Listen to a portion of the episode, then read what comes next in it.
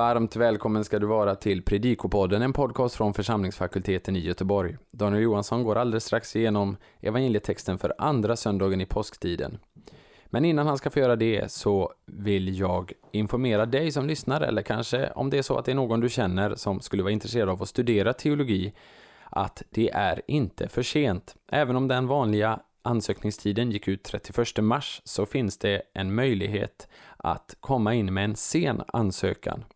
Det finns några platser att söka på detta sätt och det kanske är en plats just för dig.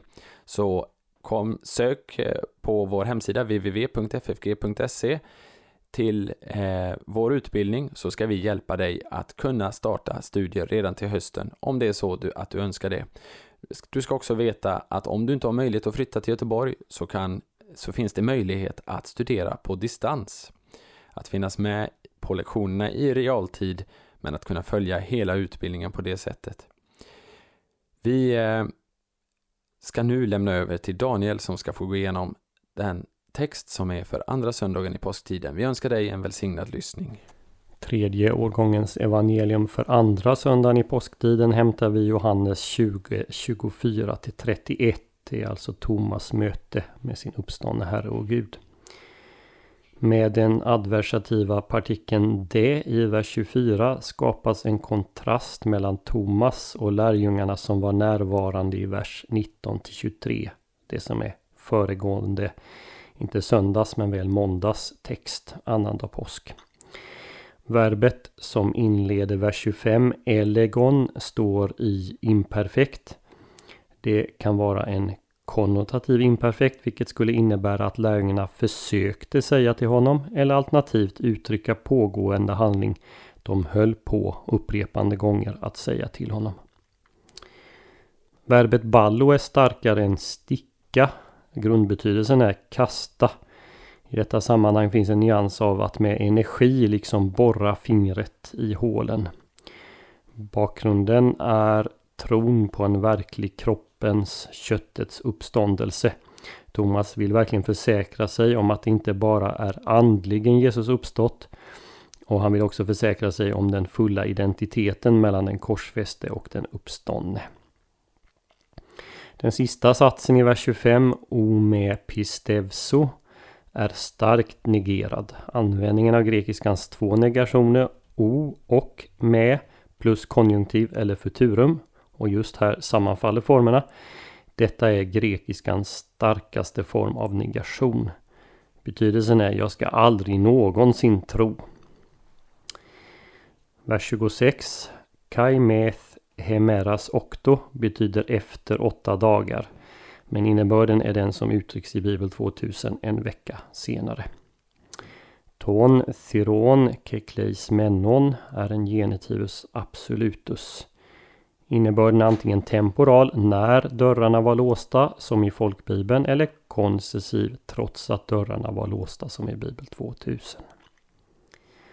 Den sista satsen i vers 27 konstrueras med verbet vara plus adjektivet otroende respektive troende.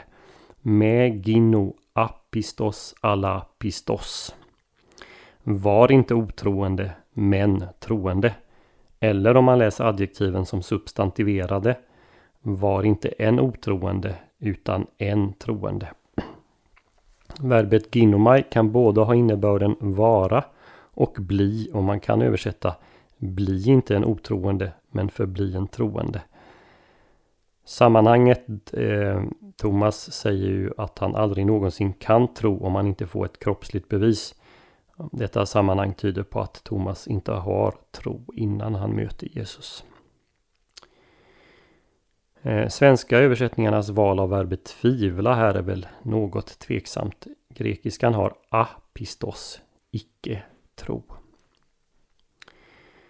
Vers 29, satsen hotti heorakas med pepistevkas är enligt Nästladans utgåva av grundtexten en fråga. Tror du eftersom du har sett mig? De svenska översättningarna tar satsen som ett påstående. Eftersom du har sett mig tror du. Båda är möjliga. Den sista satsen i den versen, makarioi hoime idontes kai pistevsantes lyder Saliga är de som inte ser och ändå tror. Vi går till vers 30. De båda partiklarna men, on är svåra att översätta. De är relativt vanliga i Apostlagärningarna men i Johannes evangeliet förekommer de bara här och i 1924. Hos Lukas i Apostlagärningarna används de för att koppla tillbaka till föregående händelser samtidigt som en ny händelse eller proposition anticiperas. De svenska översättningarna lämnar i det här fallet i Johannes partiklarna oöversatta. Men man skulle kunna översätta Men nu gjorde Jesus också många andra tecken.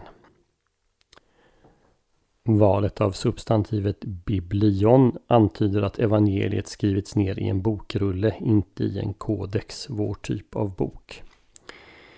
I vers 31 är handskrifterna delade vad gäller eh, huruvida verbet pistevo i den första delen av versen är en aoristkonjunktiv med sigma eller en presens konjunktiv utan sigma. Valet här spelar viss roll då en aurist sannolikt är en ingressiv aurist och säger att avsikten med boken är att folk ska komma till tro. I så fall är Johannes evangeliet något av en missionstraktat. Med presens konjunktiv är avsikten att de ska fortsätta att tro och underförstått bli stärkta i tron. Syftet ligger då nära det Lukas uttrycker i Lukas evangeliets inledning.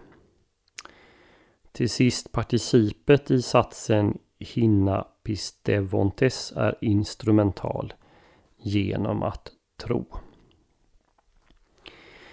Evangelieläsningen är en direkt fortsättning på annandag påsks text som handlar om vad som händer på påskdagens kväll. Johannes börjar med att konstatera att Thomas inte var med då innan han berättar vad som hände precis en vecka senare. Det finns ju flera paralleller mellan de här två texterna. Jämför särskilt vers 26 med vers 19. De är nästan identiska. Men på två punkter skiljer de sig åt. Dels är Thomas med. Dels så står det inte något om någon fruktan för judarna. Vad gäller den senare saken är kommentarerna delade. En del menar att vi ska underförstå att de fortfarande är rädda eftersom Johannes berättar att dörren är låst. Andra menar att fruktan verkligen släppt efter Jesu två fridsönskningar föregående söndag. Dörrarna är reglade av naturliga skäl och Johannes nämner det för att lyfta fram att Jesus än en gång tog sig in på ett övernaturligt sätt. Lärjungen Thomas nämns vid fyra tillfällen i Johannes evangeliet. I 11.16 där han uppmuntrar de andra lärjungarna att gå med Jesus till Betania för att dö med Jesus. I 14.11 där han frågar Jesus vart han är på väg. Och så här och sen i 21.2 där han är en av lärjungarna som fiskar. För övrigt så omnämns han i listorna över de tolv i Matteus, Markus, Lukas och Apostlagärningarna. Namnet Thomas är väl från hebreiska Tom eller arameiska Toma som båda betyder tvilling. Johannes uttolkar namnet vid tre tillfällen med dess grekiska motsvarighet Didymys som betyder just tvilling. Thomas var alltså inte med på påskdagens kväll och när de andra lärjungarna upprepade gånger vittnar för honom att de har sett Herren insisterar han att han aldrig någonsin ska tro det förrän han med egna ögon får se hålen efter spikarna. Ja, mer än så, han vill försäkra sig om att det inte bara är fråga om Jesu ande eller ett spöke genom att stoppa fingret i hålen efter spikarna och i sidan. Man kan ju tycka att hans önskemål är något groteskt men det är ett uttryck för att han vill ha ett konkret bevis för att Jesus är kroppsligen uppstånden. Han är inte någon annan än den som blev korsfäst. Jesu uppstungna sida är ett tema som börjar i 1934 där evangelisten själv vittnar om att han hade sett hur det skedde, om hur blod och, och hur vatten kom ut. Ett tecken på att Jesus verkligen var död. Jesus visar sedan upp spikhålen i händerna och hålet i sidan när han kommer till lärjungarna på påskdagens kväll. Det kan vi läsa om i 2020. Samma bevis vill nu Thomas se med egna ögon. Ja, inte bara se utan röra vid. Tanken går då osökt till inledningen på första Johannesbrevet. Det våra händer rörde vid. Och Thomas krav återknyter väl också till evangeliets inledning om ordet som blev kött, verklig människa. Jesu möte med Thomas har vissa likheter med mötet med Natanael i kapitel 1, 47-52. Jesus visar på båda ställena en övernaturlig kunskap. Och här ber eh, han eh, Thomas göra precis det Thomas själv har önskat och så säger han därefter Var inte otroende utan troende. Och Jesu ord verkar vad de säger för Johannes säger ingenting om att Thomas rör vid Jesus. Utan istället verkar det som Jesu ord har överkommit Thomas, jag ska aldrig någonsin tro. På detta sätt illustreras hur Jesu ord är ande och liv som han själv säger i 6.63. Jesu ord måste nog också uppfattas som en direkt parallell till 2022 där han nyskapade lärjungarna genom att andas och tala till dem, tag emot den helige Ande. Thomas ord är också ett slags klimax i evangeliet. Nu uttrycks den tro som prologen talar om i 1.1, 1.14 och 1.18.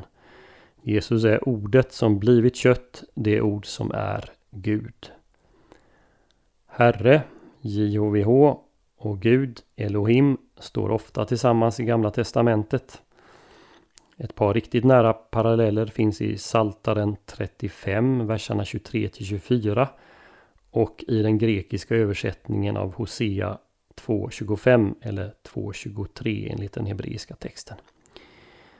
Här bekänns Jesus både som Gud och som den som bär, eget, äh, bär Guds eget namn.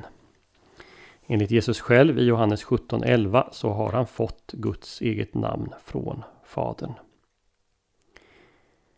Hur ska man förstå Jesu avslutande ord till Thomas? Är det en fråga eller ett påstående? De flesta bibelöversättningar och kommentarer tar det som ett påstående. Du tror därför att du har sett mig. Det finns ett uns av kritik. Du borde ha litat på de andra lärjungarnas vittnesbörd utan att kräva fler bevis. Orden till Thomas blir på detta sätt ett ord till alla människor i alla tider. Det är till dem som saligprisningen riktas. Saliga är de som inte ser och ändå tror.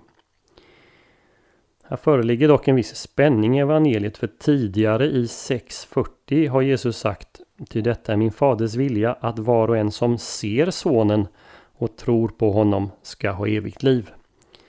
Stället anspelar i sin tur på 3.14 till 15 om hur Mose hängde upp ormen, kopparormen i öknen. Det finns alltså ett seende av sonen som är evighetsavgörande och nödvändigt. Och så finns det ett annat seende som inte är nödvändigt där det räcker med att höra eller läsa apostlarnas vittnesbörd. Det som nedtecknats, det är det sista som understryks i den här texten.